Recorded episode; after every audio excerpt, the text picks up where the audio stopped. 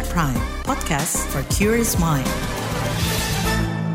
Halo, selamat sore. Saudara senang sekali bisa menyapa Anda kembali melalui program KBR Sore edisi Jumat 17 Maret 2023. Saya Malika, kembali menemani Anda selama kurang lebih 30 menit ke depan. Saudara Presiden Joko Widodo menerbitkan instruksi Presiden tentang pelaksanaan rekomendasi penyelesaian non-yudisial pelanggaran HAM berat Rabu pekan ini. Impres itu diterbitkan dua bulan setelah Presiden Jokowi mengakui dan menyesalkan 12 peristiwa pelanggaran hak asasi manusia berat masa lalu. Selain Inpres, Presiden Jokowi juga mengeluarkan keputusan Presiden tentang tim pemantau pelaksanaan rekomendasi penyelesaian non-yudisial pelanggaran HAM berat. Nah, dalam belet itu, tim diberikan waktu hingga Desember 2023 untuk menyelesaikan belasan kasus pelanggaran HAM berat masa lalu. Mampukah tim tersebut menyelesaikan tugas dari Presiden Jokowi tepat waktu? Lalu bagaimana hak mengetahui kebenaran dan hak mendapat keadilan bagi korban dan keluarga korban? Kita bahas lengkapnya di KBR sore.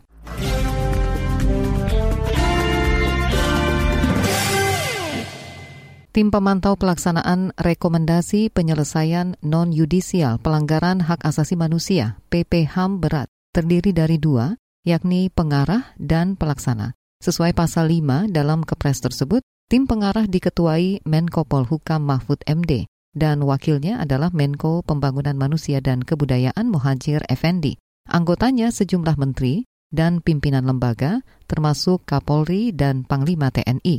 Sedangkan untuk tim pelaksana diatur dalam pasal 7 keputusan Presiden, ketuanya adalah Sekretaris Kemenko Polhukam Teguh Pujo Rumekso Wakil Ketua II adalah Makarim Wibisono. Anggotanya dari deputi dan direktur di lintas lembaga, ada pula dari masyarakat sipil seperti Ifdal Kasim. Saudara sesuai kepres, tim pelaksana bertugas melakukan pemantauan, evaluasi, dan pengendalian implementasi rekomendasi tim PPHAM. Hasil dari semua itu nanti akan disampaikan secara berkala atau sewaktu-waktu kepada ketua tim pengarah. Pakar Hukum Tata Negara dari UGM Yogyakarta, Zainal Arifin Mohtar, adalah salah satu anggota tim pemantau PPHAM dari kalangan sipil. Apa yang bisa dilakukan, seberapa luas tugasnya, seberapa koordinasi, seberapa kuat tim yang di yang dipakai, seberapa serius melakukan itu, seberapa kuat untuk mendorong perubahan. Itu tergantung isinya. Saya diberitahu hmm. ya oleh timnya Pak Mahfud Nah, kami kemudian berdiskusi. Saya berdiskusi dengan beberapa orang. Dan intinya kan, ya kita sudah memulai kan. Ya, kita harus menyelesaikan apa yang kita mulai. Gitu. Itu aja. I have to start, I have to finish what I started kan. Jadi kita sudah memulai kemarin. Saya bilang gitu aja sederhananya kita sudah memulai pekerjaan rumah kita karena kita memulai kita harus selesaikan gitu. Bisa selesai atau tidak ya tergantung.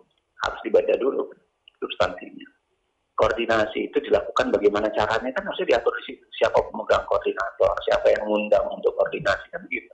Kalau saya ditaruh di bagian yang menunggu koordinasi, ya saya harus menunggu koordinasi.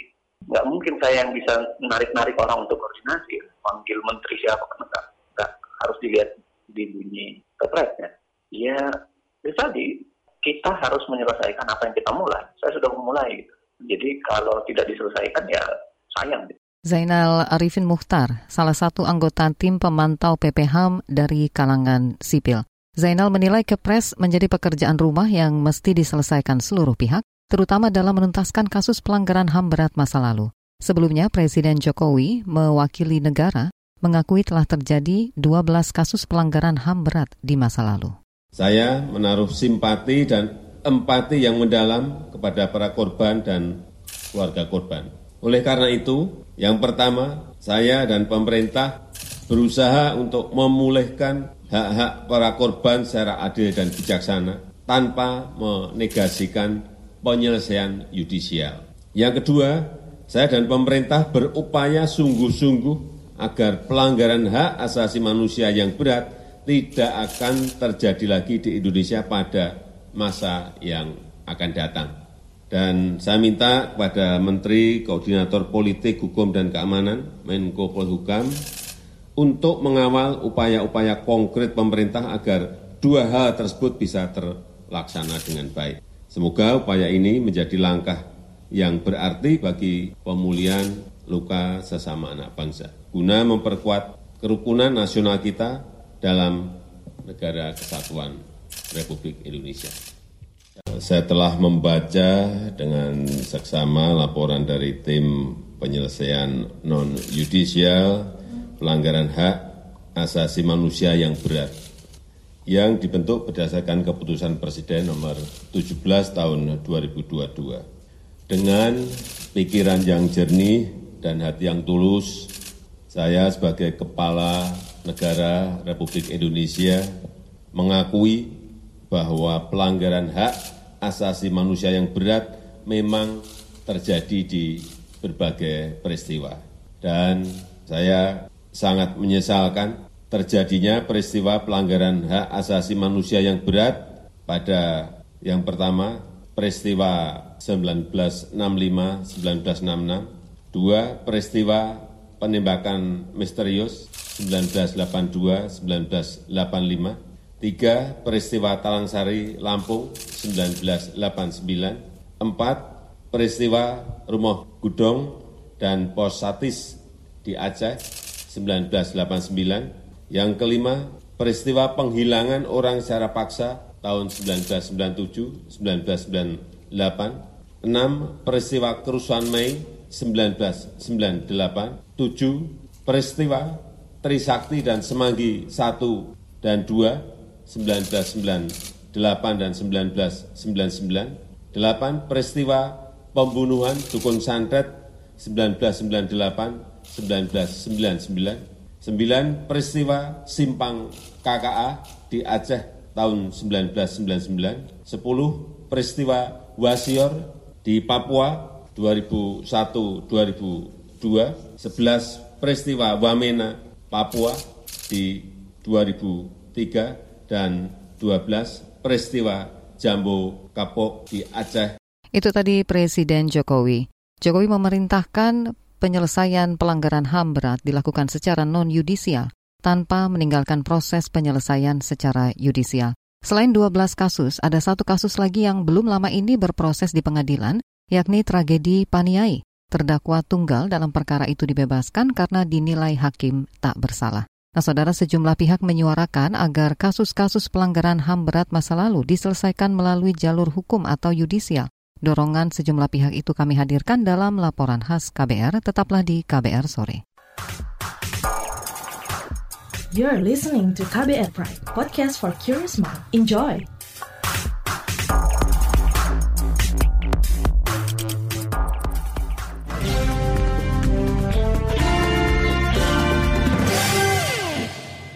Pemerintah terus mengusahakan penyelesaian kasus pelanggaran HAM berat masa lalu melalui jalur non-yudisial.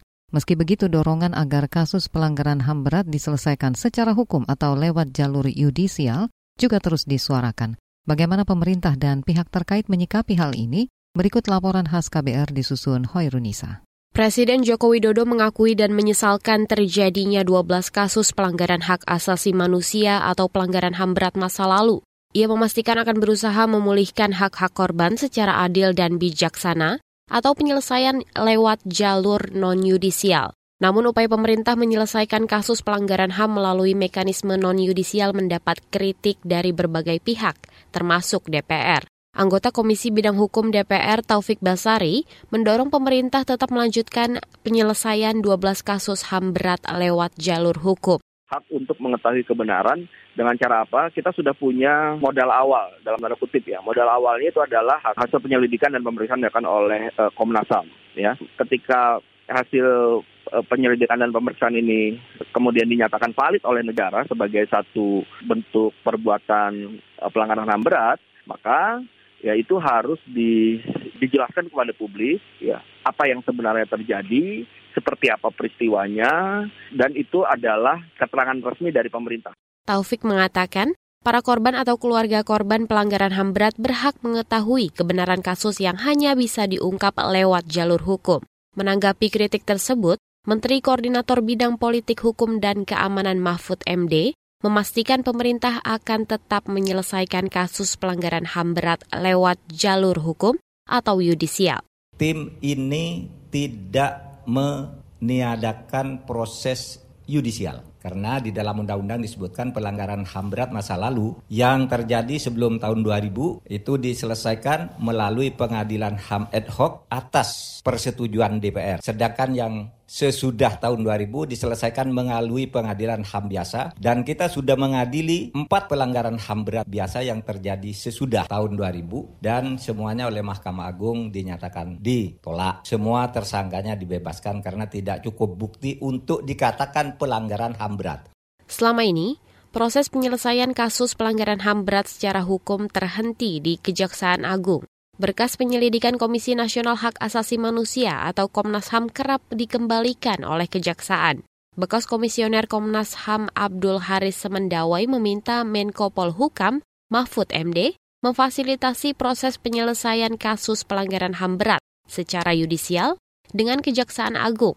Abdul Haris mengatakan, keterlibatan pemerintah ini diharapkan dapat mempercepat proses hukum selama ini koordinasinya antara Kejaksaan Agung dengan Komnas HAM ya, tanpa ada keterlibatan dari Kemenko Polhukam gitu atau dari pemerintah. Nah, inilah yang kita harapkan uh, yang perlu juga dilakukan adalah bagaimana membangun mekanisme kerja antara Komnas HAM dengan Kejaksaan Agung. Karena memang ini suatu model penanganan kasus pidana yang berbeda. Bekas Komisioner Komnas HAM Abdul Haris Mendawai berharap akan ada perbaikan mekanisme kerjasama Komnas HAM dengan Kejaksaan Agung. Menurut Abdul Haris, penyidik kasus pelanggaran HAM berat seharusnya hanya dari Komnas HAM, agar proses hukum berjalan independen dan lebih cepat. Desakan penuntasan kasus melalui jalur hukum juga disuarakan oleh korban pelanggaran HAM berat masa lalu. Salah satunya Maria Sumarsih, Ibu Wawan, korban tewas dalam tragedi Semanggi 1 1998. Sumarsi mengkritik pemerintah yang terkesan mendahulukan penyelesaian kasus lewat jalur luar pengadilan. Saya tidak akan mengawal pelaksanaan tim PPHAM. Saya akan terus menyuarakan tentang penegakan hukum dan HAM melalui aksi kamisan. Bagi saya, memang sejak awal setelah saya mendapatkan salinan Kepres 17 tahun 2020 itu, saya sekeluarga menolak terhadap pembentukan tim penyelesaian non-judisial pelanggaran HAM berat masa lalu. Sumarsi mengatakan, penyelesaian secara non-yudisial hanya upaya pemerintah menutup mulut korban atau keluarga korban pelanggaran HAM berat. Sumarsi menantang Presiden Joko Widodo agar berani memerintahkan Jaksa Agung ST Burhanuddin untuk membentuk pengadilan HAM ad hoc penyelesaian tragedi Semanggi yang menimpa anaknya. Demikian laporan khas KBR, saya Astri Septiani. Saudara, apa saja catatan dari Komisi Nasional HAM Komnas HAM terhadap terbitnya Impres dan Kepres penyelesaian kasus HAM berat masa lalu? Kami hadirkan usai jeda, tetaplah di KBR sore. You're listening to KBR Pride, podcast for curious mind. Enjoy!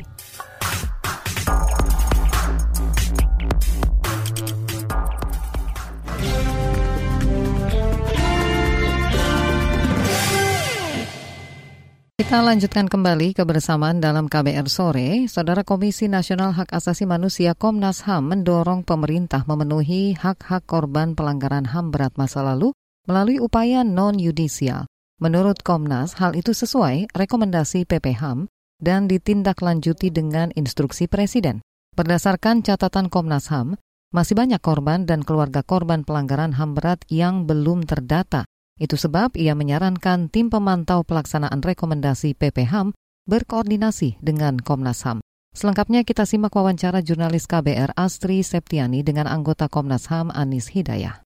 Bagaimana respon Komnas HAM soal terbitnya Inpres nomor 2 tahun 2023 untuk tindak lanjut rekomendasi tim PPHAM dan pembentukan tim pemantau PPHAM? Apa harapan dan saran begitu atas dikeluarkannya dua aturan tersebut untuk penyelesaian non-yudisial? Komnas HAM tentu melihat eh, juga penting upaya-upaya rehabilitasi dan pemenuhan hak-hak korban karena selama ini sudah cukup lama mereka hidup dalam penderitaan dan pengabaian negara. Mereka sudah tua, hidup dalam kehidupan yang tidak manusiawi ya dari aspek uh, kehidupan yang lain, uh, soal rumah, soal uh, pendidikan, uh, jaminan kesehatan gitu ya. Tidak banyak yang mendapatkan itu karena posisi marginal mereka, malu, uh, berstigma, uh, dijauhi masyarakat dan lain sebagainya gitu. Komnas HAM sendiri sejauh ini kan baru mendata sekitar atau baru mengeluarkan surat keterangan korban pelanggaran HAM berat itu sekitar 6.000. Artinya masih jauh, masih banyak kali korban-korban yang belum terjangkau. Dari 6.000 itu yang baru ditindaklanjuti oleh LPSK baru sekitar 4 ribuan yang mendapatkan hak atas rehabilitasi pemulihan. Baik itu sifatnya ekonomi, medis, psikologis gitu. Nah, uh, kepres ini menjangkau lebih luas dari itu, termasuk aspek uh, kesehatan, uh, pendidikan, perumahan gitu ya, dan lain-lain gitu. Nah ini saya kira apa yang akan dilakukan Komnas HAM adalah tentu melakukan pemantauan agar hak-hak yang sudah disebutkan dan dimandatkan oleh kepres itu terpenuhi, yang memastikan kalau yang dimention Presiden itu hanya 12 pelanggaran HAM berat, sementara kami sudah menyelesaikan 17 penyelidikan. Kita ingin memastikan bahwa yang lima kasus pelanggaran HAM berat ini juga eh, nantinya para korban korbannya gitu ya mendapatkan hak atas uh, pemulihan sesuai dengan mandat uh, Perpres. Bagaimana saran Komnas HAM supaya semua korban pelanggaran HAM berat masa lalu dapat terdata dan juga mendapatkan hak pemulihan sesuai yang dibutuhkan begitu?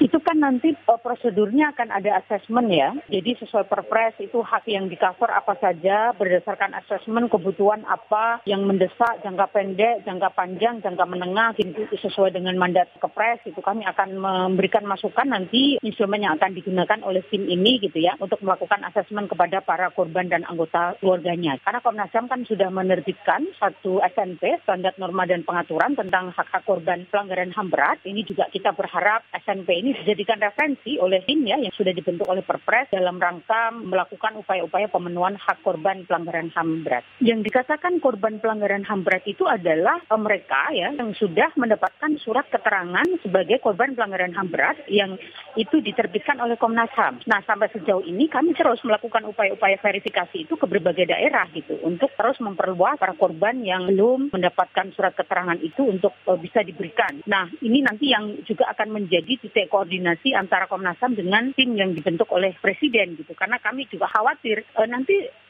jangan sampai juga offset gitu ya. Tim ini menggunakan mekanisme lain mendata korban tetapi tidak kemudian berbasis pada uh, surat keterangan korban yang diterbitkan oleh Komnas HAM gitu. Lalu apakah proses penyelesaian non yudisial artinya menggugurkan kewajiban penanganan secara hukum atau yudisial? Pertama, Perpres ini kan fokusnya pada dua aspek ya. Satu adalah memastikan bahwa pemenuhan hak korban pelanggaran HAM berat masa lalu itu eh, dipenuhi oleh negara. Yang kedua, melakukan upaya-upaya pencegahan untuk memastikan tidak terjadinya keberulangan pelanggaran HAM berat. Nah, tentu ini tidak terkait dan tidak mempengaruhi proses yudisial yang apakah kasus yang sedang berlangsung ya, artinya itu kan masih proses mau banding dan juga kasus pelanggaran HAM berat yang lain yang sudah selesai dilakukan penyelidikannya oleh Komnas HAM tetapi belum naik ke penyidikan. Nah, ini dua hal yang berbeda. Proses hukum atau proses judisialnya kan kita tetap terus dorong agar itu uh, dilakukan. Itu tadi anggota Komnas HAM Anis Hidayah yang memberikan catatannya soal masih banyak korban dan keluarga korban pelanggaran HAM berat yang belum terdata. Di bagian selanjutnya, Lembaga Pemantau HAM mengkritik upaya pemerintah dalam menyelesaikan kasus pelanggaran hak asasi manusia berat masa lalu, apa alasan dan catatan mereka. Wawancaranya hadir sesaat lagi, tetaplah di KBR Sore.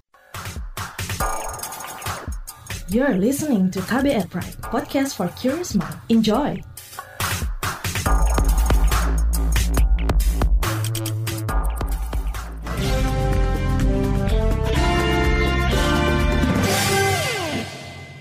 Saudara Lembaga Pemantau HAM Setara Institut menilai instruksi Presiden dan keputusan Presiden menunjukkan upaya pemutihan sistematis terhadap kasus pelanggaran HAM berat. Apa dasar Setara Institut mengeluarkan pernyataan itu? Selengkapnya berikut wawancara jurnalis KBR Astri Yuwanasari bersama peneliti hukum dan konstitusi Setara Institut Sayyidatul Insia soal impres pelaksanaan rekomendasi penyelesaian non-yudisial pelanggaran HAM berat dan Kepres tim pemantau PPHAM, Mbak. Nah, ini menurut Anda seperti apa? Kalau misalkan dari Setara sendiri, sebenarnya kami masih pada standing point yang sama gitu ya. Karena dari awal Kepres tentang pembentukan tim PPHAM sendiri pun kami memandang itu sebagai sebuah aksesori politik dari Presiden Jokowi gitu ya sebelum memang masa berakhirnya uh, akan berakhir gitu dalam waktu dekat ini gitu. Jadi dari awal kepres itu muncul di Agustus 2022 lalu kami juga membaca itu hanya sebagai aksesoris politik Jokowi. Kemudian sama dan di kemarin tanggal 15 kemarin juga baru keluar dua instrumen hukum yang sama kami memandang ya ini sebagai pemanis ya, dari presiden untuk kemudian agar mendapat atensi atau uh, simpati gitu bahwa oh oke okay, presiden sekarang sudah berusaha untuk menuntaskan penyelesaian pelanggaran HAM berat. Padahal sebenarnya kenapa kami memandangnya itu sebagai pemanis karena kami di sini lebih menekankan mekanisme judicial gitu ya hingga bergantinya tahun gitu ya dan sampai sekarang pun ternyata masih belum ada signifikansi terkait dengan penyelesaian pelanggaran HAM berat gitu. Jadi ya kami memandang memang upaya pemerintah untuk akhirnya benar-benar mem terutama memberikan hak atas keadilan dan atas kebenaran gitu ya itu memang masih belum maksimal gitu. Di sini kan ada banyak melibatkan kementerian dan lembaga ya dan akan bekerja sampai akhir Desember tahun ini gitu. Nah menurut Anda apakah cukup gitu waktunya dan apakah akan maksimal gitu kerjanya Mbak? Kalau misalkan apakah kemudian akan maksimal gitu itu yang sebetulnya juga menjadi kekhawatiran kami gitu ya. Sebenarnya itu juga menjadi pertanyaan kami gitu. Apakah memang ada jaminan 19 institusi ini nantinya akan bekerja secara maksimal benar-benar menjalankan fungsi atau amanah yang memang sudah ditetapkan? Mengingat yang menjadi kekhawatiran kami lagi itu hanya sebatas institusionalisasi absurd gitu. Makanya kami menegaskan jangan sampai jangan sampai akhirnya nanti 19 institusi ini hanya sekedar formal jurnalistik hanya sekedar daftar-daftar institusi negara yang kemudian ini sudah dilibatkan. Ini kami sudah mencoba untuk mengintrodusir 19 uh, institusi tapi pada akhirnya belum ada hasil yang optimal gitu. Dan uh, kami juga mempertanyakan sebetulnya bagaimana kemudian jaminannya gitu apakah memang berhasil dalam waktu yang sampai di dengan Desember ini bahkan kurang dari setahun ini gitu apakah memang sudah selesai karena kalau misalkan kita coba kilas balik ke belakang pun soal tim PPHAM ya yang memang itu kan outputnya salah satunya adalah laporan gitu ya hingga sampai sekarang pun sudah berakhir masa jabatannya tim PPHAM pun mana laporannya gitu publik atau masyarakat belum mendapatkan laporan yang secara utuh gitu. Sebenarnya apa sih Mbak yang harusnya dilakukan oleh pemerintah jika memang serius gitu ya untuk menyelesaikan pelanggaran HAM berat ini gitu?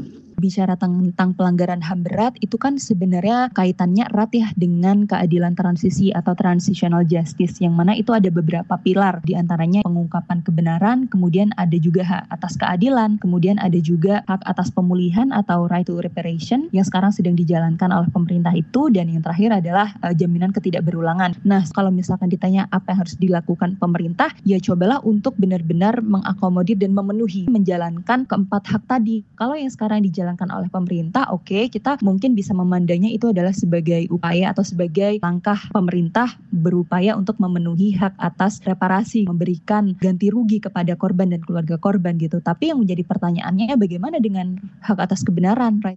Peneliti Hukum dan Konstitusi Setara Institut Sayyidatul Insia.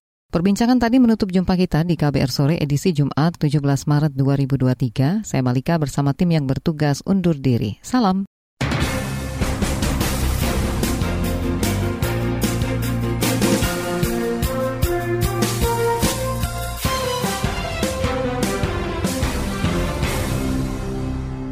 KBR Prime, cara asik mendengar berita.